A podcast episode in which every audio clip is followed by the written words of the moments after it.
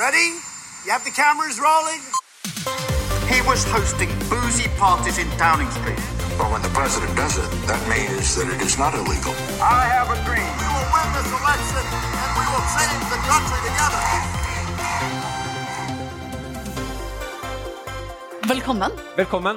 Jeg heter Sofie Høgestøl. Og jeg heter Eirik Bergesen. Og dette er vårt nokså uhøytidelige, veldig personlige forsøk på å gå bak ukas nyheter, lete etter sammenhenger, si noe om framtiden, på jakt etter det store bildet, slik vi ser det. Egentlig hver fredag. Ja, men det er ikke fredag i dag. I dag er vi i Bergen på Festspillene, um, så dette er en spesial livepod.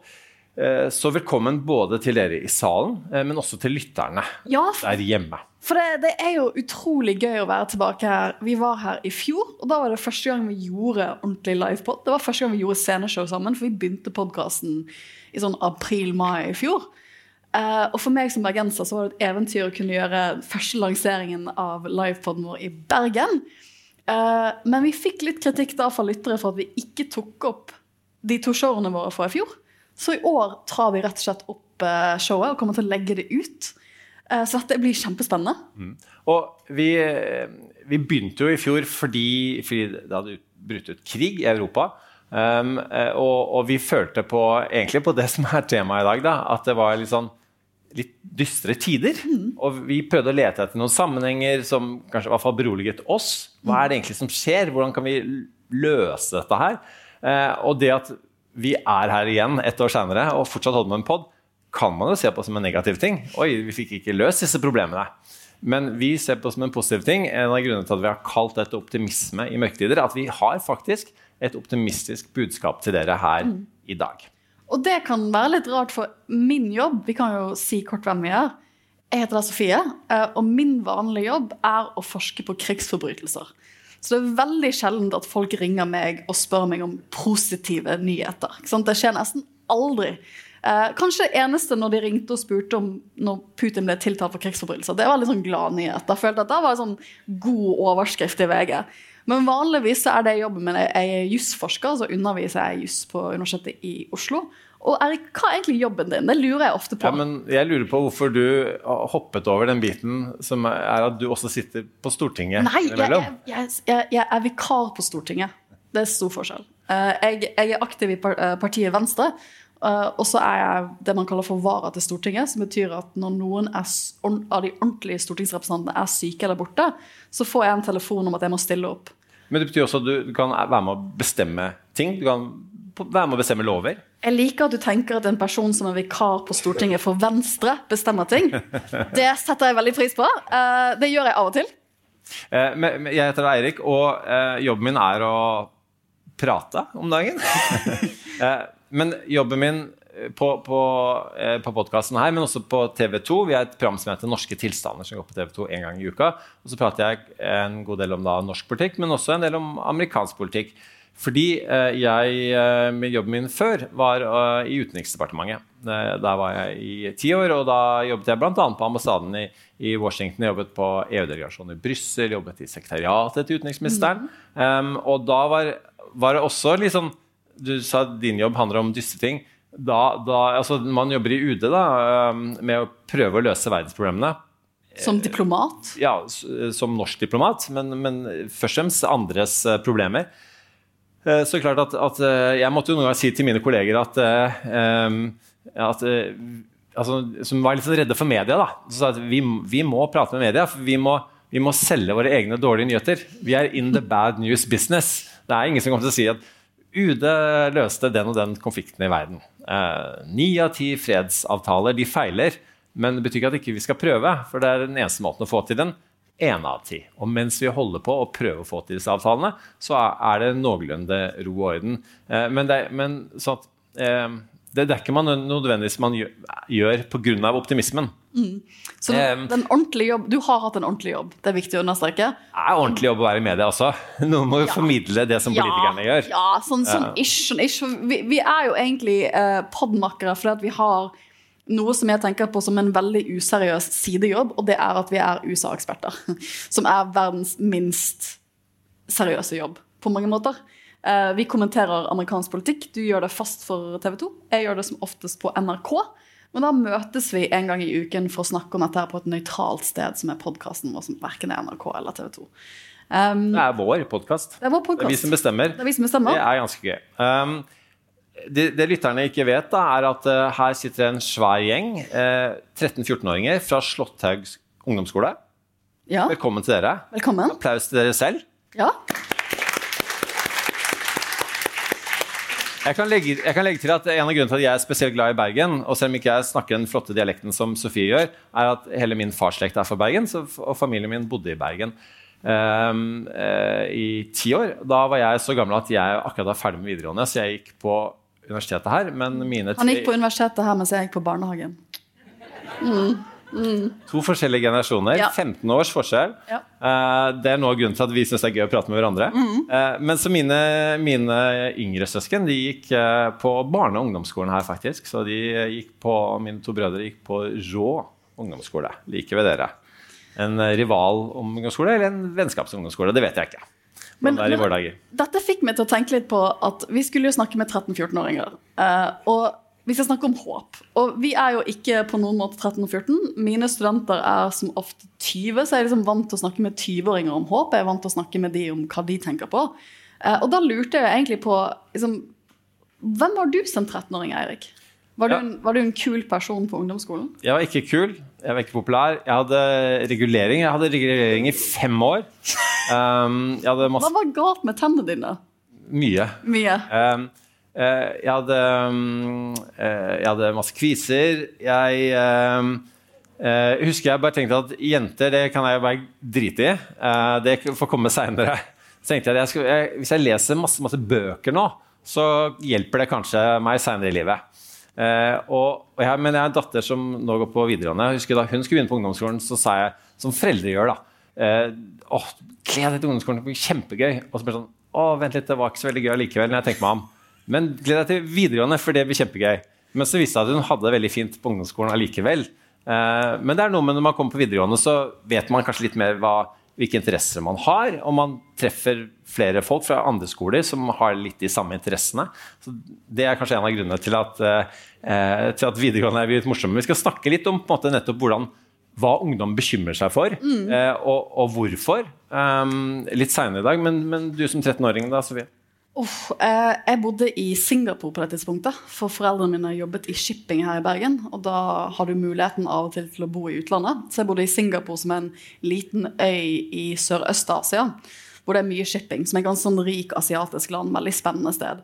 Men jeg var på ingen måte kul. jeg føler at, jeg føler at 13-14 var et lavpunkt i mitt liv. Jeg, ikke, liksom, jeg håper at dere ikke har dette som et lavpunkt. Men hvis dere har det, så vil jeg bare si at for meg så var det en tid hvor jeg eh, verken var, var smart nok, følte jeg. For jeg har, jeg har dysleksi, så jeg leser- og skrivevansker. Så jeg slet ganske mye på ungdomsskolen. Nå har jeg doktorgrad, så det gikk helt fint. Men jeg, liksom, jeg følte ikke at jeg var et skolelys som mestret skolen spesielt godt. Og så var jeg heller ikke populær. Og det er en sånn veldig dårlig miks å både være sånn ikke skoleflink og heller ikke populær, for da har man ikke så mye å gjøre av seg på ungdomsskolen. Um, men jeg føler at jeg, for at vi skulle snakke, vi visste at målgruppen i, dag skulle være 13-14, så har jeg blitt så gammel nå at den moten som var inn da jeg gikk på ungdomsskolen, er inn igjen. Jeg er blitt så gammel at nå går studentene mine liksom Det hippeste nå er jo det jeg pleide å gå med som 13-14-åring. Så jeg har i dag gått med baggy jeans. Som jeg, jeg tror jeg har gått med dette siden 90-tallet, så å si. Baggy dad jeans, kalte Den, du det. denne modellen heter baggy dad jeans, som visstnok ifølge mine studenter, for det er der jeg får min moteinspirasjon fra, er det mest trendy. Men jeg tror ikke jeg har gått med så vide bukser på ja, 20 år. Så jeg prøver, igjen, liksom, jeg prøver å komme tilbake med min indre 13-14-åring. Men det, for meg var det litt sånn Det var ikke den beste tiden. Så vil jeg si at hvert år bare har blitt bedre og bedre. Men hadde du mye håp da du var 13? Um, Eller tenkte du på Nei, fremtiden? jeg, jeg, jeg, jeg tenkte Vi, vi snakka litt om det. Hva var det vi håp, håpet på, da? Eh, og så eh, fant vi ut at, at det er kanskje ikke helt sånn tenåringshjernen er skrudd sammen. At man tenker sånn kjempelangt fram i tid. Man kanskje tenker mer um, at hva er det som bekymrer meg nå? Hva er det jeg tenker på nå? Er og, og, og når man gjør ting, så er det kanskje fordi det er kult, eller fordi noen andre gjør det. Eh, og det kan være noen andre i klassen, det kan være noen andre eh, på TikTok. Eh, og vi har også alliert oss med en, en forsker som også har snakket litt om det. Hun heter Maria Abrahamsen. Hun blir ofte kalt TikTok-psykologen. Sikkert mange av dere som følger henne på sosiale medier. ja, har en konto som heter Sykt deg. Som, som kanskje en del av dere det følger. Hun skal også snakke på, her på Festspillene for øvrig. Men det hun eh, eh, sa til oss, var at altså, ung, ungdommers hjerne er litt annerledes. Nettopp fordi at eh, dere har en jeg skal passe på at dere får den riktige medisinske termen, prefrontale korteksen. Det er det som utvikler Det er noe foran her et sted. Det, Vi er da ikke biologer, men det er foran i hjernen et eller annet sted. og det er det som utvikler seg seinest. Og det er nettopp dette med altså, hva skjer i framtiden? Eh, hvordan planlegger vi hverdagen vår, eh, livet vårt? Det er det som utvikler seg seinest hos mennesker. Det betyr at dere kanskje ikke er så veldig opptatt av hva som skjer verken eh, eh, neste år eller om fem år. Eller sånn som vi har et arrangement i morgen som handler om de neste 100 årene. Det er ikke sikkert at dere kommer til å gå på det, da. Det er helt greit. Um, men også viser også forskningen for første gang For jeg regner med at en del av dere er på sosiale medier. Um, en del av dere er sikkert litt uh, Sitter med telefonen, kanskje er det gjemt den under dyna. Kanskje har sagt til foreldrene deres at dere uh, har lagt den et helt annet sted, utenfor soverommet. Jeg kjenner meg igjen i mine to tenåringsbarn. Eh, og så sammenligner dere med andre. Og det forskningen har nå vist for første gang, at det er en sammenheng mellom negative følelser hos ungdom og hvor mye man er i sosiale medier. Det betyr at, Og grunnen til det da, er at i gamle dager så var det sånn at eh, de du sammenligna med, var de du som var omga deg med. da, Hvis du bodde på en gård, når mange gjorde det. Um, skal litt, litt, tilbake dit, men så var det de på nabogården de traff man hele tiden. Så man så både fasaden deres, og så så man, man så de gode og dårlige dager. da. Eh, Man så også det som gikk galt i livene deres. Men når, når dere går på sosiale medier nå, så ser dere fasaden til folk. Dere ser ikke det som egentlig skjer med dem. Og så er dere så smarte at det vet dere. Så dere vet at ja, de ser ikke så fine ut. Her er det, de har brukt um, et filter, de har brukt Photoshop og, osv. Men um, det at dere sier det til selv, betyr ikke at hjernen oppfatter det likevel. Og hjernen sammenligner seg likevel. Så underbevisst, uten at dere tenker over det, så er det mange som gjør at mange unge i dag har faktisk mer negative følelser enn selv om da vi var eh, 13 For jeg har tenkt veldig mye på det, at jeg er akkurat så gammel at sosiale medier kom ikke før jeg begynte på førsteåret på universitetet. Og da var jo det et sånt stort eksperiment. Jeg, jeg var på en av de skolene som fikk Facebook først. og da var det, Vi skjønte jo ikke hva det var. Vi delte jo masse bilder. Vi skjønte, liksom, vi skjønte ikke hva konseptet var. Det tok jo tid å utvikle seg. Men jeg har tenkt lenge at det at sosiale medier først kom etter jeg var ferdig på skolen, det var en gavepakke. For én ting er å føle seg ukul og mislykket som 14-åring. Eh, noe annet er å også føle seg ukul og mislykket. Ikke, altså, ikke bare er du ikke kul i det vanlige liv, du skal også fremstå som kul på nett eller på denne personen du er på sosiale medier. Og den dobbeleffekten, da, det tror jeg må være ganske tøft. Eh, lillebroren min er 20, og han har jo liksom vært gjennom dette her. Og jeg ser at det er noe helt annet enn det jeg var gjennom. Men vi skal ikke snakke altfor mye om sosiale medier eh, i dag. Nei, men, men eh, jeg bare legger til én ting der. For uh, datteren min, som nå akkurat ble 17, eh, hun, hun sier til meg at alt er annerledes nå. Ingenting er sånn som da dere var unge. Alt er annerledes. Alt er mye vanskeligere å, å være, og dere skjønner ingenting av hvordan vi har det. Um, og så bør jeg si at eh, nei, alt er akkurat det samme, bare at dere har fått sosiale medier og litt andre klær. Um, men, men så det vi klarer å bli enige om da, eh, til slutt, da, eh, og det er en sånn, en sånn diskusjon vi har hatt, da, som vi har, vi har kranglet om. Eh, For da sier jeg, sånn som, eh, som forskeren vår og andre forskere sier, ikke sant, at de følelsene dere har når, dere er unge, de blir forsterket. Eh, forskeren sa til meg at de blir forsterket ti ganger. Fra, og det sier kanskje noe om at, at sånne som i min alder er for lite flinke til å føle, føle sterkt for øvrig. Eh, men eh, eh, men da, da blir datteren min spesielt sur, for da sier hun sånn eh, Men det er helt irrelevant. Du, eh, om, om jeg opplever det sterkere pga. Eh, at jeg har levd kortere, eller at det er masse hormoner i kroppen min. Det er sånn jeg opplever det. Det er sånn jeg føler det. Eh, så da kan ikke du si at nei, du burde ikke føle det sånn. Det hjelper jo ikke. Det er, min følelse er reell. Så det, det har vi hatt en litt sånn ordentlig oppgjør på. Og det er veldig det, det tenker jeg er viktig eh, for voksne å forstå. For det er nok ikke alltid eh, like lett å forstå. Da må du møte de følelsene her og nå, har jeg lært. the hard way. Jeg liker at nå får vi sånn Dette er sånn pappatips for Eirik. Nå har jeg lært. Du har pappabukser, jeg har pappatips. Ja, ja. um, men jeg lurer egentlig på Nå har vi snakket mye om hva, hva vi eh, bekymrer oss for. for vi er jo litt forskjellige generasjoner. Så Eirik vokste opp på 90-tallet, før dere var født. Uh, ja, jeg vokste jo for så vidt også opp før dere var født, men det trenger vi ikke snakke så mye om. Men Eirik vokste opp på 90-tallet, og da, da, har vi snakket litt om at da var det ganske mye optimisme i luften. For da hadde nettopp den kalde krigen blitt ferdig, som dere sikkert har lært om i storbøkene. Da, da var slutten på kalde krigen. Vesten hadde vunnet. Økonomien gikk ganske godt. Ting gikk oppover fremover. Murens fall, eh, dere har gjerne hørt om. Den eh, muren som rett og slett delte øst og vest. Sånn veldig sånn der, eh, bokstavelig fysisk eh, skille som man, man, rev ned. Og nå, nå, skulle det ikke være eh, murer lenger. Og så tenkte man ikke så langt frem i tid at man skjønte at man kan lage eh, virtuelle murer. Man kan lage sånn eh, psykologiske murer me mellom, eh, mellom, mennesker. Så jeg kommer litt tilbake til det. Men altså, det var altså, Da jeg gikk her da, på universitetet, som var på 90-tallet i Bergen, så vi, vi trodde at man lurer alltid på går fremtiden, altså går verden går den fremover. Går den tilbake? Går den liksom i, i, i sirkel, i sykluser? Um, og da trodde mange at den gikk fremover. Da trodde man at ok, nå har vi nå er demokratiet vunnet. Um, du hadde bøker som, som, uh, som het 'End of History'. His, historien er egentlig over, for alle har skjønt at, at, at, uh, det vestlige demokratiet, sånn som vi lever det her i Norge og Europa, har vunnet. Det er fasiten. på en måte. Det, det skjønner jo alle. Eh, og så tenkte man eh, at det er noe vi da skal eksportere til resten av verden, og så vil de forstå det.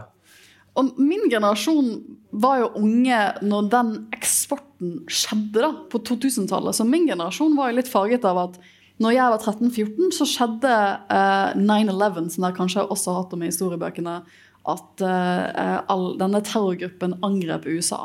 Og man fikk to kriger i verden. Man fikk først Afghanistan-krigen og så Irak-krigen. Så jeg har ganske mange på min alder uh, som jeg har studert med, som har vært og tjenestegjort, har vært i militæret og vært i de krigene, rett og slett. så min ungdomstid var jo mye sånn Da var terror den store tingen. Ja, for det var, det var var det som gjorde at, at, at jeg på en måte fall, ikke mistet fremtidsrådet, men, men at det fikk seg en sånn reality check. da. Eh, det var, eh, for det var min første ordentlige jobb. Da var jeg på ambassaden i Washington da eh, to fly da, traff i Twin Towers, tvillingtårnet i New York, og ett fly traff Pentagon i Washington DC. Så det kom røyk opp fra Pentagon, som vi da sto utenfor ambassaden og, og så på. Og vi lurte på hva i all verden er det som skjer nå? Hva, hva skjer med verden fremover? Er, er, dette tredje verdenskrig? Eh, er dette um, hvordan, altså, er dette slutten uh, på den optimismen vi følte på? Og på mange måter så var det jo det, som Sofie sa, disse krigene som ble startet, de, de er jo akkurat avsluttet nå. De varte mm. veldig lenge, og spørsmålet er Hjalp de?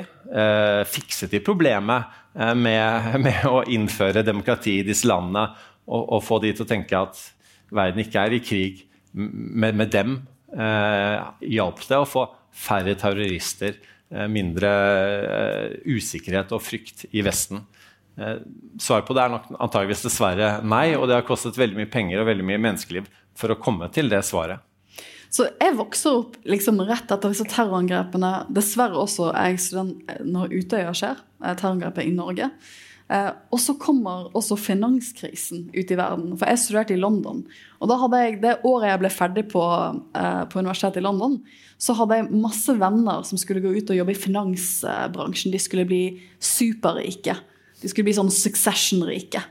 Eh, de skulle jobbe i store sånne finansselskaper og tjene masse penger. Og det var, liksom, det var gode økonomiske tider i 2008.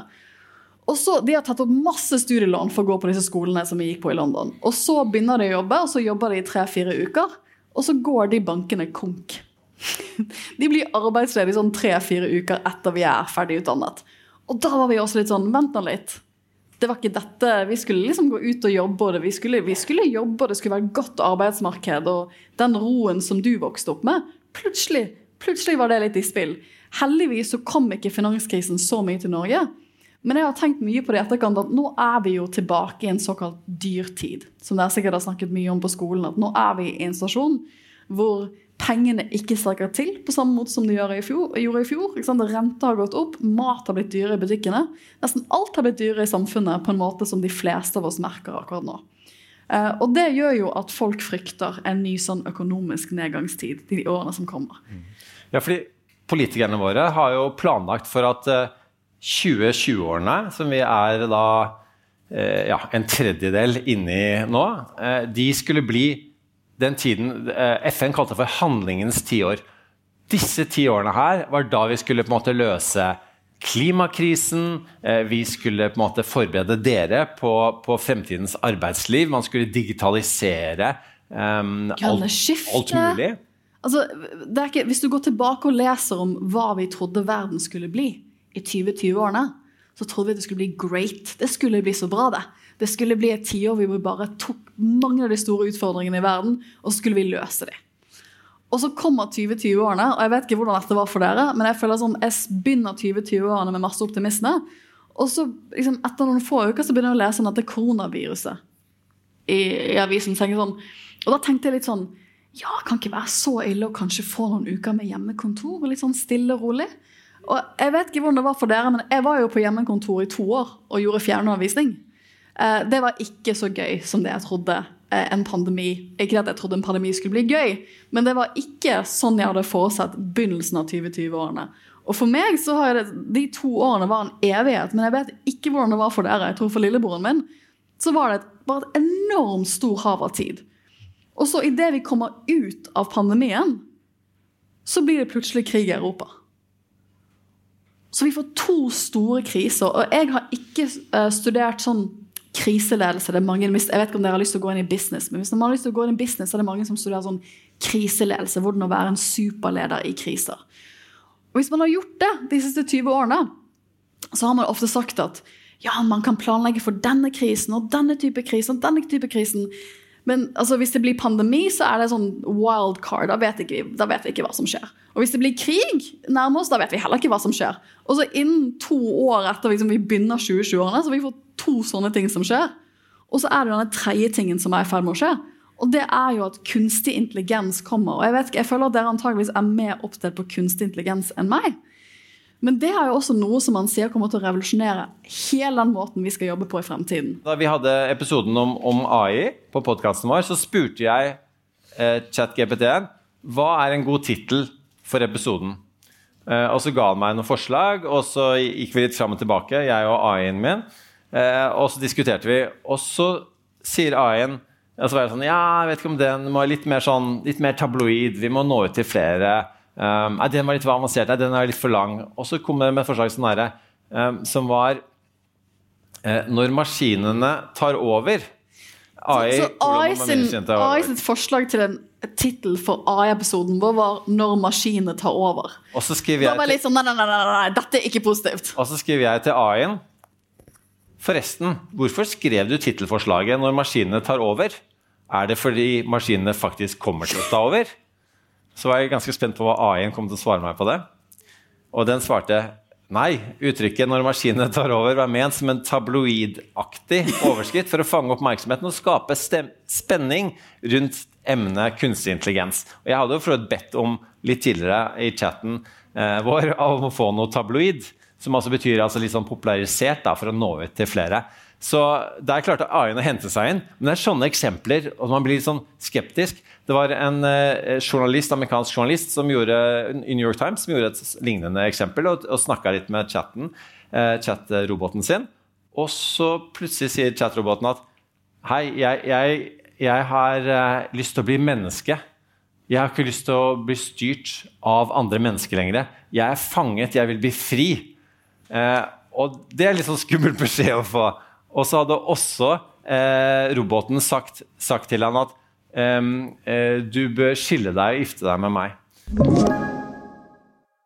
En av grunnene til at vi ville snakke med dere om håp i dag, det er fordi at man gjør jo sånne spørreundersøkelser hvor man spør unge mennesker hva tenker dere om 1519. Hva tenker dere egentlig dere kommer til å jobbe med? Og den undersøkelsen som kom i år, så var det 50% altså én av to av de unge som ble spurt, sa at de tror at deres generasjon får det verre enn den forrige generasjonen. Og om lag 50% trodde det ville bli tøffere om ti år å få jobb enn i dag. Og det er jo ikke spesielt positivt hvis man tenker at man ikke nødvendigvis kommer til å ha noe bedre enn mamma og pappa hadde. Og hvis man tenker at man er redd for hvilken type jobb man skal få. Så jeg, jeg merker dere at dere er litt sånn redd, eller har dere tenkt frem så langt i tid på jobb? Jeg vil jo råde dere til å ikke tenke på jobb ennå, for den tiden kommer. Hvor man må jobbe i veldig mange år. Men liksom, er dere optimister? Tenker dere at dere skal uh, ha en bedre fremtid enn den uh, tiden dere har vokst opp i? Det er et stort spørsmål. Opp med en hånd, dere som er litt mer optimist, er optimister. Hvor mange optimister har vi i salen? Det gjelder alle. Og opp med en hånd, dere som er pessimister, da.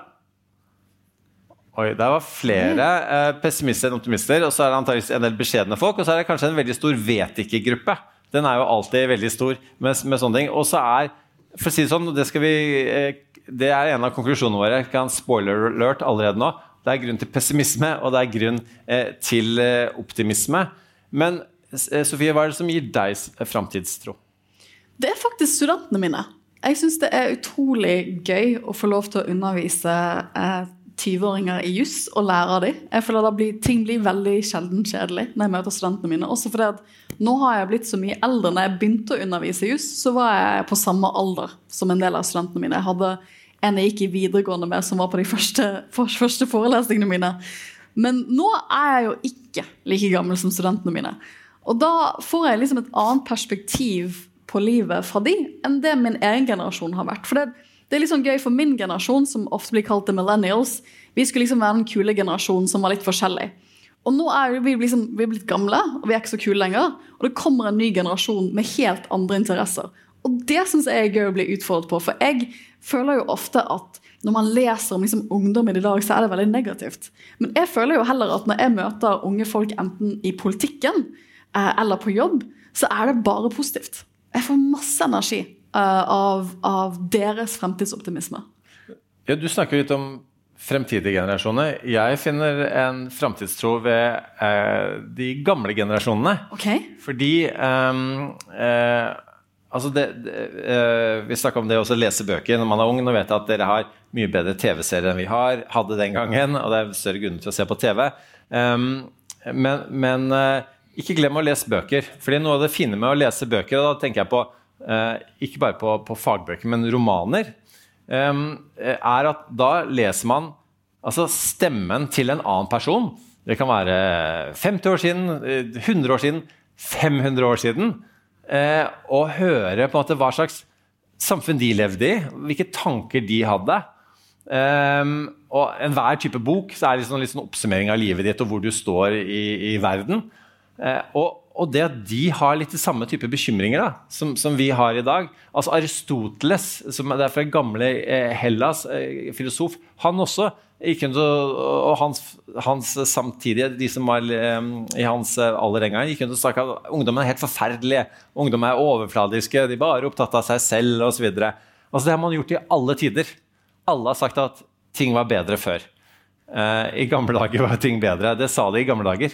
Um, sånn at Det er en av de mange erkjennelsene man gjør da, eh, av, av å lese eh, romaner. Så lærer man seg, man går inn i tankesettet til andre personer, og så tvinger man seg selv til å forstå Ikke bare til å oppleve hvordan andre mennesker oppfører seg, men hvorfor de gjør eh, det de gjør. Så det er et eh, lite tips. Ja, og når jeg ser litt tilbake, så tenker jeg veldig ofte på at jeg forsker jo på sånn som sagt kriger. Og så forsker jeg på menneskerettigheter. Og ting var jo ikke bedre før. Det var jo ikke sånn at man hadde masse bedre rettigheter og menneskerettigheter før i tiden enn det man har nå. Og hvis vi ser på krig, så tenker jeg veldig mye på at um, den dagen uh, Russland invaderte Ukraina, så var det på dagen 80 år siden min bestefar ble tatt til fange under andre verdenskrig. Og han er ikke i live lenger, men jeg har tenkt mye på hva han tenkte. For han var sånn kanskje 20 når han ble tatt til krigsfange, så han var ganske ung.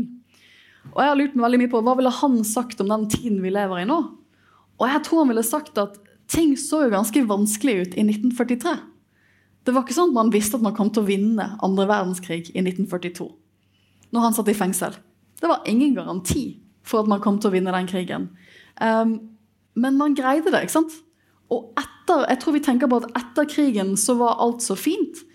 Men da hadde vi jo et land som hadde vært okkupert, litt på samme måte som deler av Ukraina er okkupert. Så var jo vi okkupert av nazistene under andre verdenskrig. Og da tenker jeg at det var jo ikke Man måtte jo bygge opp hele landet igjen etter 1940-tallet. Etter en okkupasjon. Og hva gjorde vi? Jo, vi bygde den norske velferdsstaten som vi har i dag. Vi bygde mye av det samfunnet som vi lever i. Det vi egentlig skulle ønske oss alle sammen, er at vi hadde tidsmaskiner, ikke sant? så vi kunne reise litt sånn fram og tilbake i tid. Og oppleve hvordan folk hadde, hadde det på ulike tidspunkter. Men jeg skal bare gi dere noen tall her. Fordi eh, da din bestefar vokste opp eh, eh, Hvis vi da går ja, ca. 100 år tilbake, da Han var født i 1918, så det er 100 år. Det, da må vi 100 år tilbake i tid. Ja, dette er, dette er tall fra, fra akkurat den tiden der. Eh, da kunne bare 23% av alle mennesker lese. Um, 23% av verdens befolkning kunne lese. I dag kan eh, ca. 90% lese. I, I, Norge er det, er det tilnærmet eh, 100% da, Hvis du skulle reise for fra Norge da, til Australia, så tok det tre og et halvt år å reise dit. Nå tar det eh, godt under et døgn. Eh, den gangen hadde ca. 8% av befolkningen telefon i det hele tatt. I, eh, altså nå, 100 år senere, så har de aller, aller fleste telefon, og de har det i lomma si. Og de kan sjekke alt mulig annet enn bare å ringe hverandre, kommunisere med hverandre direkte. og så må vi heller ikke glemme at ja, for eksempel, altså, den fremste oppfinnelsen i 1917 det var lysbryteren. Ja. Så man hadde eh, lys inne. Og nå forsker, forsker Det er også er jo en, en, blandet fornøyelse, men på genene våre. Eh, ikke sant? Det er en, det er en helt, helt, nye utfordringer, selvfølgelig, men også et helt annet teknologisk nivå. Og så skal man bare også legge til at eh, PC-en, altså denne her, som jeg peker på nå, eh, den er altså den Masseutbredelsen av den var i, i 1971. Internett kom i 1990. Smarttelefonen kom i 2002. Mm. Um, og i dag er det vanskelig å forestille seg at vi helt tatt kunne leve som demokrati uten nettopp de tre oppfinnelsene der. Mm. Så poenget mitt er jo egentlig at selv om jeg også skulle gjerne tidshoppet litt frem og tilbake i tid, så vet jeg at jeg hadde nok ikke hatt min jobb hvis jeg var eldre enn det jeg var. Hvorfor det? For jeg har lese- og skrivevansker. Jeg hadde ikke fått hjelp til det på skolen. Hadde jeg vært født noe tidligere enn det jeg er. Sånn, hadde jeg vært eldre var, Man visste sånn cirka hva dysleksi var når jeg gikk på skolen i Bergen. Jeg gikk på Helne skole i Bergen. Da visste man sånn ish hva det var. Og jeg er akkurat gammel nok til at jeg fikk ta um, eksamen på computer. For meg var det alfa og omega. Hadde jeg ikke tatt eksamen på computer, så hadde jeg ikke blitt ferdig på videregående, jeg hadde ikke kommet inn på universitetet, og jeg hadde i alle fall ikke vært foreleser på universitetet. Og så er det jo også en sånn kjønnsperspektiv her. ikke sant? Liksom, man glemmer jo, vi, vi føler jo at den verden vi lever i nå, er kjempelikestilt. Vi har hatt kvinnelig statsminister i mange år. Vi er, sånn, er likestilt på mange måter, men um, den første kvinnelige professoren i juss kom etter jeg ble født. Da jeg var født, så var det ingen som hadde min jobb, som var kvinne i Norge. Uh, og det kunne du gjort på ganske mange andre ting. altså sånn Sosial mobilitet. Er den god nok i dag? Absolutt ikke. Men som du sier, den tilgangen til sånn informasjon, eh, til et sikkerhetsnett, til eh, muligheter til å, å, komme seg, til å se hvor man kan komme seg opp og videre i livet, det har man ganske unik tilgang til i dag. Og det tenker jeg på ganske ofte. Mm. og så er det også viktig at det er noen som politikere Eh, kanskje ikke så mye i Norge, men ikke minst i, i USA. Eh, det har sikkert hørt om eh, Donald Trump. Hvor mange har hørt om Donald Trump? Ja. Men han, ja. Eh, det kan være til, Man kommer til å høre mer om han. Eh, Alle disse kan, kan bli fremtidens USA-eksperter. Ja. Så nå må vi passe oss litt der. Liksom, om ti år så sitter dere i et TV-studio med oss og skal snakke om USA-politikk. Og som dere vet, så er det presidentvalg i USA nå. Eh, som det skjer Altså, de skal stemme neste år, men, men det er i, i full gang allerede nå. Hvor, hvor, mange Donald... dere, ja, hvor, mange av dere tror at Trump kan bli president igjen? Det var ikke så mange. Det var litt beroligende. Hvor mange av dere tror at Trump kan bli president igjen? Det var ikke så mange. Hvor mange, tror at, hvor mange syns at det er bra at Biden blir gjenvalgt? Sleepy Biden. det var ikke så mange deler. Så du, du følger Trump på sosiale medier? Sant? Sleepy Joe? Sleepy Joe? Men altså, eh, eh, poeng, poenget er at politikere som eh, Donald Trump da, Eh, de forteller sine velgere at alt var bedre før. Eh, make America great again. Det var et eller annet tidspunkt hvor verden var veldig mye bedre. Eh, og det var det noen som tok fra dere. Og det er, det er noen sin skyld at dere ikke lenger har det så bra som dere hadde det. og mange av de som stemmer på Donald Trump, er ikke nødvendigvis de som har det verst, Men de som føler um, det, altså det et, føler at et eller annet blir tatt fra dem, og det var urettferdig, og det er noen sin skyld, og det er ikke minst da de andre altså politiske motstanderne i USA, da venstresiden, eh, sin feil. Um, og, og, det er jo det som gjør at man får Man snakker om at veld, vi er en veldig sånn populistisk tidsalder. Fordi de samme tingene Dette her um, um, Uten å sammenligne Trump direkte med, med, med, med diktatorer, så er det, er liksom hovedgrunnen til at diktatorer da, um, sitter, blir sittende, eh, er at de altså, Vårt demokrati det er basert på en optimisme. Altså, vi vi er nødt til å håpe at ting blir litt bedre, for da gjør vi noe med det. Hvis vi tenker at verden er, er, bare dritt, så gidder vi ikke gjøre noe med det. Mens eh, i diktaturer så vil det være sånn at, at, de sørger for at først at du tenker at verden er bare dritt, det er ikke noe å gjøre med det, uansett. Eh, og ja, da kan vi bare ta han fyren her i stedet, da. For ja, han lyver til oss, det skjønner vi. Men alle andre lyver, og det blir ikke bedre uansett. Jeg har jo faktisk bodd i diktaturer. Jeg har bodd i Singapore, som på mange måter er et moderne diktatur. Det ser ikke sånn ut. Men han som er statsminister i Singapore nå, det var faren hans som var statsminister før han. Så det er nesten sånn arvelig, sånn, sånn familie hvor det å lede landet går i arv. Og så har jeg bodd i Kambodsja, som også er for alle formål et diktatur. I Kambodsja så har de valg. For smarte diktatorer i dag de har skjønt at vi kan ha valg. Men hvis du er en flink diktator i dag, så vinner du alltid valget. Du har rigget til hele systemet, sånn at når du først har valget, så er det ikke andre kandidater. Eller kan du bare stemme på én person? Ellers kan du bare stemme på én person. Det ene året jeg bodde i Singapore, på, på 90-tallet, da jeg gikk eh, på ungdomsskole eller barneskole der, så avlyste de valget, for det var ingen andre kandidater. Så det var sånn, ja ja, vi skulle ha valg, men så var det ingen andre som stilte. Så rart med det, ikke sant? Um, og jeg har bodd i diktaturer, og, og det jeg føler ofte er salgspunktet da, er at verden er komplisert. Og det er så vanskelig. Og derfor kan du stole på meg, for jeg er en trygg, sterk person som kan lede landet på en god måte. Ja, for Er du redd, har, har du frykt for, for, fremtiden, så er det mye lett å tenke at den sterke mannen eh, skal hjelpe deg. Og det er i hvert fall bedre enn en alternativet. Og hvis du i tillegg sier at det kan egentlig ikke stole på noe av det media sier til dere, eller noe som blir fortalt, eh, fordi alt er løgn, eh, så er det også lettere å Um, uansett vanskelig for folk å vite hva som er sant og ikke sant. Og, da, og, da, gir de i, um, i, i, beste fall ofte opp og prøver å påvirke noen ting. Og hvis de prøver å påvirke noen ting, så havner de i fengsel. Ja. Og det er jo litt min sånn salgspitch for demokratiet. da, er jo at Demokrati er litt mer krevende. For det, det krever noe av oss. Det krever at vi deltar. Det krever at vi følger med. Det krever at vi tar stilling til politiske saker. Er vi for eller imot at man skal legge om skolepensumet? Er dere for eller imot at man skal ta ut Det har vært veldig mye snakk denne uken for eksempel, om skal vi fortsette å ha iPader i skolen. Det er et politisk spørsmål. Og, liksom, Fraværsgrense. Ja, alle disse tingene. Og det krever jo at vi faktisk tar stilling til de spørsmålene. For det er ingen som kommer med sånn, det er ingen som kommer og bare styrer landet for oss. Vi må styre oss selv. Og det krever noe av oss. Men i det så ligger det litt håp for meg. For ja, det kan være litt krevende av og til. Jeg synes jeg er politisk engasjert, men det er av og til jeg syns at eh, politikk er ganske snork. Jeg synes all sånn, sånn togpolitikk og sånn hvor veiene skal gå, politikk er ganske kjedelig. Bybanepolitikk er ganske spennende. Bybanepolitikk er ganske spennende. Det er litt for spennende. Det er litt for spennende. Men, men, liksom, men jeg vet jo at det er viktig. Sånn. Jeg vet at jeg må sette meg inn i det der. For jeg, hvis jeg skal være med å styre og forme det samfunnet jeg bor i, så, så er den samfunnskontrakten vi har i et demokrati, at jeg også må følge litt med. Og der ligger jo litt av mitt sånn fremtidshåp, da, er at vi bor ikke i et diktatur. Vi bor ikke i Russland. Vi kan være med å forme den fremtiden vi skal inn i. Og jeg tror liksom, Hvis vi går tilbake til bestefaren min, da. Det han gjorde etter han kom ut av fengsel, det var at han begynte å studere og ble ingeniør. Og så lagde han eh, steintunneler. Han var steintunnelekspert. Så av og til når vi reiser rundt, så kan vi liksom peke på en steintunnel som han har bygget. Og det tror jeg Han var en sånn praktisk person som var sånn OK, nå har det vært krig i en del år. Nå skal jeg være med på å bygge opp landet igjen. Og jeg tror det ga han masse håp.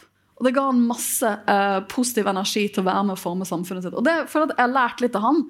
Uh, og det er jo min pitch til dere at hvis dere ser ting dere ikke liker rundt samfunnet, så bor vi jo faktisk i et land hvor dere kan være med og bestemme at det skal være annerledes i fremtiden. Og hvis ikke dere gjør det, så er det noen andre som gjør det på sin måte. Så det er på en måte, Demokratiet er jo helt opp, opp til oss. Det er vi som, som fyller det med et innhold. Man kan, man kan rope på politikerne hei, dere må gjøre det og det det, men på et eller annet tidspunkt så må du kanskje bare gjøre det sjøl, hvis du, du er uenig i måten vi har gjort på. Eh, vi tenkte også, også avslutte med en liten sånn handleliste med noen av de krisene vi snakket om i stad. med Eh, for Vi vet alle hva det er som er skummelt med det. Det har vi Ja. litt om allerede. Men ok, hvor kan vi finne håp da, eh, i, i de ulike tingene? Kan jeg, kan jeg begynne? Jeg vil jo si at En av de tingene som gir meg håp, som jeg tror vi glemmer i hverdagen, det er at Ukraina har ikke tapt. Sant? Hvis du hadde spurt meg for to år siden hva ville se hvis Russland invaderte et naboland med sin store og mektige militærgruppe, så ville jeg tenkt at den, det nabolandet det ville vært kjørt på én uke. To uker maks. Og det var jo det Putin trodde. Han trodde han skulle invadere Ukraina, og skulle den krigen være over på noen dager. Han skulle ta over Kiev. Det har han ikke greid å gjøre. Statusen i dag er jo at nå er det småkrangling og kriging i Russland. Ting i Russland har blitt mer destabilisert. Og Ukraina de har ikke gitt seg. Og Ukraina hadde jo da, som vi vet, et, et mye mindre forsvar, men eh, åpenbart en mye større vilje til å forsvare seg. Og det viser jo også noe av det eh, eh, man kan få til hvis man, man, man drar sammen, man kommer sammen. Og hele den krigen nå har jo fortalt oss alle, også utenfor Ukraina, eh, hvor viktig demokratiet er. Hvor viktig det er at, at vi står sammen om ja, de organisasjonene vi har lagd, som, som kanskje er både i sånn tungvinte, kanskje litt eh, eh, byråkratiske, og ikke alltid gjør gode avgjørelser andre steder i verden, historisk sett. Men Nato, EU, FN, hvor viktig de er. fordi det er det eneste vi har. Det fins ingen, fra min tid i Utenriksdepartementet, det fins ingen perfekte organisasjoner. Det fins ingen perfekte politiske avtaler. Men, det finnes, men livet er heller ikke perfekt. Nei. Ikke sant? Um, og og, og, og det, er, det er sånn viktig å erkjenne. Og, demokrati Churchill sa at det var den beste av alle de dårlige styreformene vi har. Men det er fortsatt den beste. Eh, og det, det som gjør den litt dårlig, er jo er det er basert på mennesker. Og mennesker gjør feil. Menneskelige ledere, ikke minst, gjør feil. Men jeg, jeg føler at min generasjon vi sov kanskje, vi var kanskje ikke så opptatt av å bevare demokratiet, men jeg tror at alt det som skjer i verden nå, betyr at vi er mye mer obs på hvor viktig det er. det som vi holdt på å glemme, er, vi nesten har glemt i vår dag, altså pandemien. Det var også noe som gjorde at vi Altså, vi løste jo pandemien. Um, vi Som samfunn. Som samfunn. Vi kom sammen. Vi, vi, vi tilpasset oss. Vi, vi var hjemme fra skole og arbeid. Vi gikk med munnbind. Um, vi i media var litt snillere med politikerne da de sa, og de for første gang kanskje noensinne sa hei, vi vet ikke helt hva vi gjør her nå. Nå kommer vi til å ta en avgjørelse som kanskje ikke kommer til å funke. Forstå at vi, vi allikevel skal gjøre så godt vi kan. Og så, var- og så forsto man det. Og en ting, Hadde noen spurt meg i 2019 ikke sant? Det kommer en pandemi om noen måneder. Vi må stenge ned. Hvordan tror du folk vil håndtere det? Så tror jeg nok pessimisten i meg hadde vært sånn Det blir, kommer til å bli ramaskrik. Det kommer til å bli masse folk som ikke følger reglene. Jeg vet ikke om vi som samfunn greier det. Og selv om pandemien ikke altså Det var ikke sånn at vi var perfekte. Og det var ikke sånn at det ikke var tøft. Det var det. Men vi kom oss gjennom det. Eh, Og det internasjonale samfunnet greide også å samarbeide bedre enn det har gjort på mange år.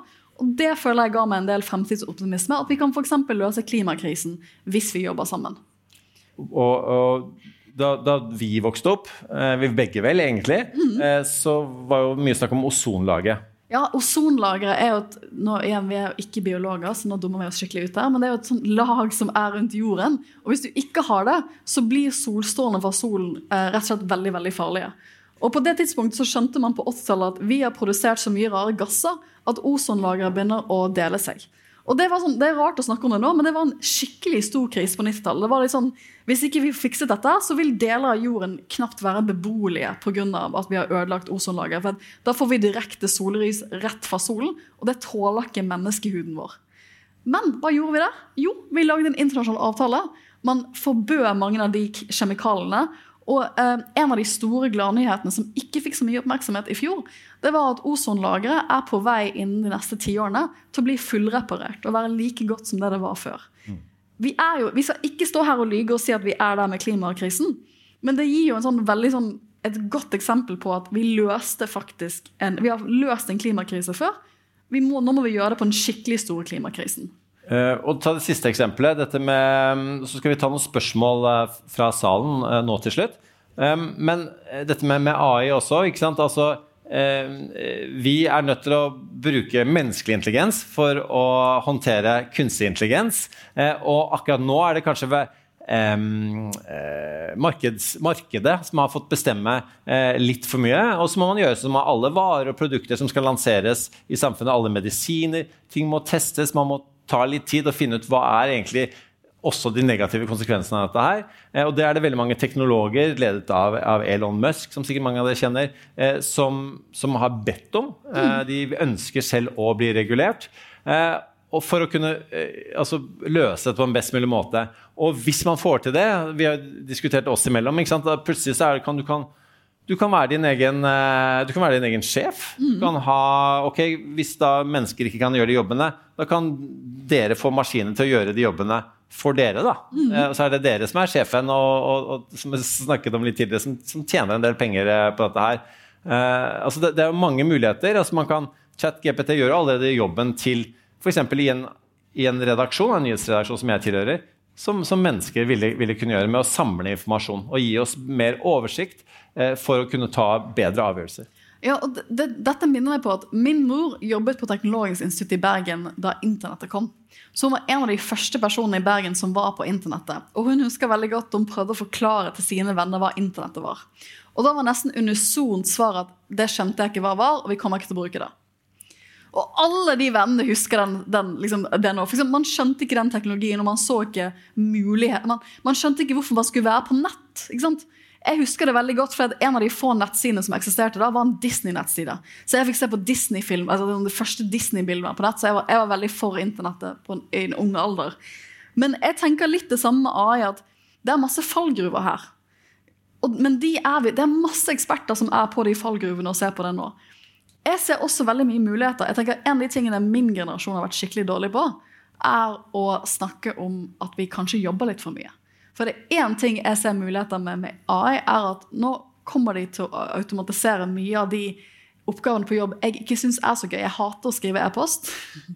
Eh, Det, det må vi ikke si til sjefene mine på UiO, men jeg er veldig dårlig på å svare på e-post. Um, jeg ganske, kan være ganske dårlig på en del sånne type oppgaver som plutselig har man nå kunstig intelligens som kan gjøre det for meg. Og jeg er forsker. Jeg vet at hvis jeg kan få to kunstig intelligens-hjelpere Litt sånn som Iron Jeg ser for meg at jeg blir sånn Iron Man. Og jeg, har, jeg vet ikke om dere har sett på Iron Man-filmene. For Han har, sånn, han har Jarvis, som er sin sånn kunstig intelligens-robot, som hjelper han å gjøre mye av forskningen sin. Hvis jeg kan få en Jarvis, da kan jeg forske mye bedre, og mye bedre enn det jeg har gjort før. Og mye mer. Og det er kjempegøy. Så jeg ser muligheter til å kanskje jobbe litt mindre. For det var mange som forsket på økonomi for sånn 100 år siden, 200 år siden, som tenkte at når mennesker fikk mer teknologi i livene våre, så kommer vi til å jobbe mindre. Men det er ikke det vi har gjort. ikke sant? Selv om vi har fått automatisert masse i livene våre, så jobber vi fortsatt veldig mye.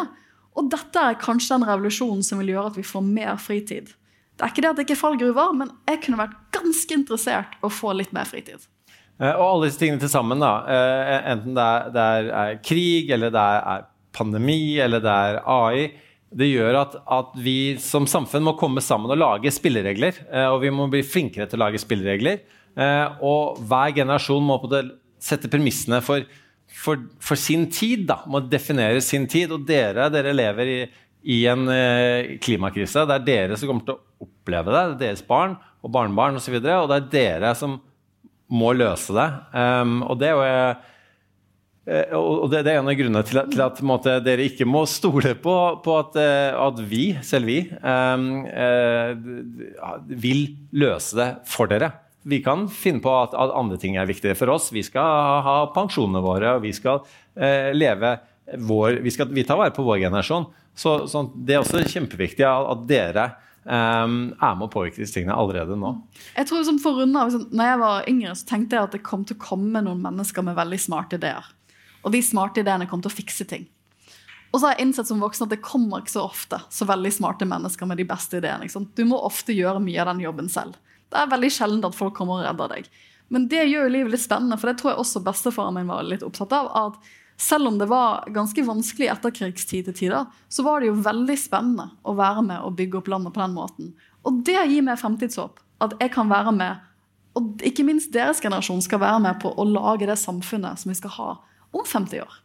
Ja, for når vi sier at, at verden ikke er eh, ikke var bedre før, eh, så er jo heller ikke verden rettferdig, da. La oss ikke glemme det. Altså, vi, vi, eh, vi blir syke, vi dør, alle skal dø en gang. Noen opplever at eh, en selv, eller mange eller folk man er glad i, blir syke og dør før man egentlig skulle.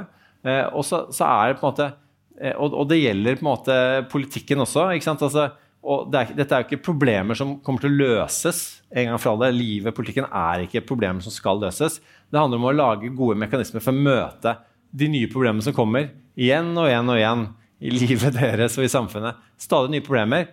Eh, så må man finne gode mekanismer for å prøve å, å, å snakke om ting, for å komme videre. Men, men samfunnet er ikke noe som vil løses en gang for alle. Det også er også veldig viktig. Eh, og politikk er veldig mye forventninger. Eh, politikere som går til valg, de, de skal ikke bare fortelle om hva de har gjort, men de skal fortelle hva de skal gjøre fremover, sånn, sånn at dere skal bli optimistiske nok til å, til å stemme, eh, stemme på dem. fordi det er det samfunnet de tegner opp, det er det samfunnet dere har lyst til å leve i. Ja, Så vær med på å tegne samfunnet er egentlig hovedbudskapet til Håp. Vi, vi rekker ett siste spørsmål. Du har fortsatt noe på hjertet? Um, ja, um, jeg har en god del spørsmål, men jeg har lyst til å ta to stykker, hvis det er greit. Ok, Vi runder av med to spørsmål. Ok, um, Første, hva er favorittingen deres med å være er podcaster? Vet du hva? Det er for meg at jeg får lov til å se Eirik hver uke og snakke med han. Det, det er veldig gøy. Og, eh, eh, samme, selvfølgelig. Eh, men i tillegg dette med at vi får utforske ting. Vi får stille oss selv spørsmål. fordi det er ikke sånn at, håper jeg, det, basert på de svarene vi har gitt på spørsmålene deres, det er ikke sånn at vi vet alt. Nei. Um, og, men vi prøver å finne ut av ting. Uh, så prøver vi kanskje å stille gode spørsmål til hverandre og, og, og til de som hører på. Uh, Sånn at de blir litt nysgjerrige og på sporet av ting som de må, må finne ut av sjøl. Og så, så er det ikke sånn at vi kommer til å bli enige om alt. Dere er sikkert veldig uenige med gode venner. Ikke sant? For at dere ser ting på litt ulike måter, for dere har litt forskjellige ståsteder. Um, uh, så det er også litt viktig å understreke. Men, eh, men det er veldig gøy å, å, å prate med folk da, og høre hva andre mener også. Veldig gøy å være live eh, foran masse mennesker og høre hva dere mener. Og så lurer jeg på um, var, Har du en life, life lesson? Oh, um, og det er et veldig stort spørsmål. Jeg vil si at når jeg var 13-14, så tenkte jeg at jeg skulle plan... Eller jeg var en sånn stor planlegger. Jeg planla liksom Jeg visste hva jeg skulle studere da jeg var 14, jeg visste hva jeg skulle gjøre etter videregående. Um, mens jeg tror som nå som jeg er over 30, så har jeg skjønt at uh, det er fint å ha planer. Det er fint å ha, jeg tenker på planer som et kompass, hvor du vet sånn cirka hvor du vil hen. Men de kuleste tingene i livet kan du ikke planlegge for. Sånn, for hvis du har for, for tette planer hvor du bare ser sånn, så ser du kanskje ikke de veldig spennende mulighetene her. Når jeg var, hvis du hadde spurt meg for ti år siden om jeg skulle bli USA-ekspert, så hadde jeg vært sånn, hva er en USA-ekspert? Jeg visste ikke at USA-ting var så stort i Norge. Jeg hadde aldri planlagt for det. Men så kom det en mulighet. ikke sant? Så var jeg sånn, shit, det hadde vært kult. Og så hoppet jeg på den muligheten. Så jeg vil si sånn, fint å legge planer og ha ditt kompass med hvor du vil, men vær fleksibel nok og åpen nok til å hoppe på de kule tingene. For det er jo det som er fint med livet, at for de fleste av oss så kommer det ganske mye kule ting. Og det er en annen måte å tenke på muligheter på også, at av og til går ting skikkelig skeis. Det går ikke som du vil. Du får ikke til den tingen du ville. Du søker på et studie, du kommer ikke inn. Du søker på en jobb du ikke får. Og da blir jeg, jeg blir også veldig lei meg, men så tenker jeg det kommer en ny buss. For det kommer muligheter. Liksom, det er så mange muligheter. Og da er det bare å hoppe på den neste bussen, så går det helt fint. Nei, det er et kjempegodt spørsmål. Det er derfor det er så gøy å ha å prate til ungdommer. Um, og, og jeg tenker at um, jeg, har stu, jeg studerte masse forskjellig her på universitetet. Jeg har hatt masse forskjellige jobber. Jeg vet fortsatt ikke hva jeg skal jobbe med ja, siden neste år. da. I hvert fall ikke om fem år. Jeg har ingen idé. Men det som styrer meg, da, er at jeg gjør det jeg syns virker spennende. Det jeg, er, det jeg er oppriktig nysgjerrig på, det jeg, jeg har lyst til å finne ut av. Eh, og til syvende og sist det som er gøy med, med folk jeg syns er gøy å, å være sammen med. Eh, og, det er det som, og, og det er det som bestemmer, og det er det som gjør at dere orker å gjøre det nok. da. Ja. Dere merker jo de fagene dere eh, virkelig er interessert i. Det er da dere først gidder å gjøre lekser. Hvis dere ikke er kjempeinteressert i matte, så gidder dere ikke å sette dere ned og gjøre de leksene som skal til for å gjøre det bra, uansett hvor mye foreldrene deres maser, eller læreren. Ikke sant? Og, det, og vi, altså har vi alle ulike interesser, Så life lesson, life hacken må jo være at eh, så lenge du gjør det du syns er gøy, så virker det ikke som studier. Det virker ikke som jobb. Um, og, og, og, du, og, så tenker du ikke over at du skal nå et mål engang. For at det å prøve å nå det målet, det er liksom Det er mer enn nok i seg sjøl. Å være nysgjerrig, på, altså, være nysgjerrig på at du kanskje ikke vet hva du liker ennå. Selv om jeg har bikket 30, så prøver jeg også å være nysgjerrig på nye ting. Liksom, å prøve nye ting. For det er den eneste måten å finne de tingene du egentlig liker og har interesse for. Så jeg vil si at En av de beste jobbene jeg har hatt, er jeg jobbet på Tusenfryd da jeg var sånn 16. Jobbet på Tusenfryd i Oslo i fire år. Den store der du reiser på et berg-og-dal-bane i Oslo. En av de beste jobbene jeg har hatt. Jeg var, liksom, det er masse ting i livet som kan være kjempespennende hvis man er nysgjerrig nok til å prøve. Og så er det gøy der og da? Eller med at du er glad du ikke jobber på Tusenfryd nå? Vet du hva, Jeg tror jeg hadde vært kjempefornøyd hvis jeg fortsatt jobber på Tusenfryd. Jeg hadde en sånn alternativ karriereplan da jeg var sånn 16-17. Sånn, kanskje jeg skal, liksom, for det, det, å jobbe med sånne store theme parks, hva er det fornøyelsesparker på norsk, det er en stor internasjonal industri. Så jeg var sånn, Kanskje jeg skal bli sånn fornøyelsesparksalgsperson? Ja, vel, det kan, det kan fortsatt skje. Det, at det er gøy i ungdommen, det er gøy nå det er gøy seinere at, at, livet har litt ulike faser. Ja. Så bruk nå iallfall ikke livet deres på, på planlegg. Eh, for mye. For mye. Det er, eh, det er, er, er Det var ikke meningen at vi skulle drive, gi masse nei, råd og nei. konkludere. Men, eh, men det, var, det, er ikke nødvendigvis et ferdig spikret svar heller. Tusen takk Finn ut av det sjøl er det ferdigspikrede svaret. Ja. Eh, og veldig tusen takk til alle som, som kom, og ha en fortsatt fin dag. That's enough. Put down the mic. Ungsamtalen fra DNB er økonomisk veiledning tilpasset deg som er ung. Bokk en ungsamtale på dnb.no. ung. Ok, Det var jo en syk døll måte å forklare ungsamtalen på, da. Hæ? En smart prat om penga mine, ville jeg sagt. Ikke sånn kjedelig økonomisprat, skjønner du.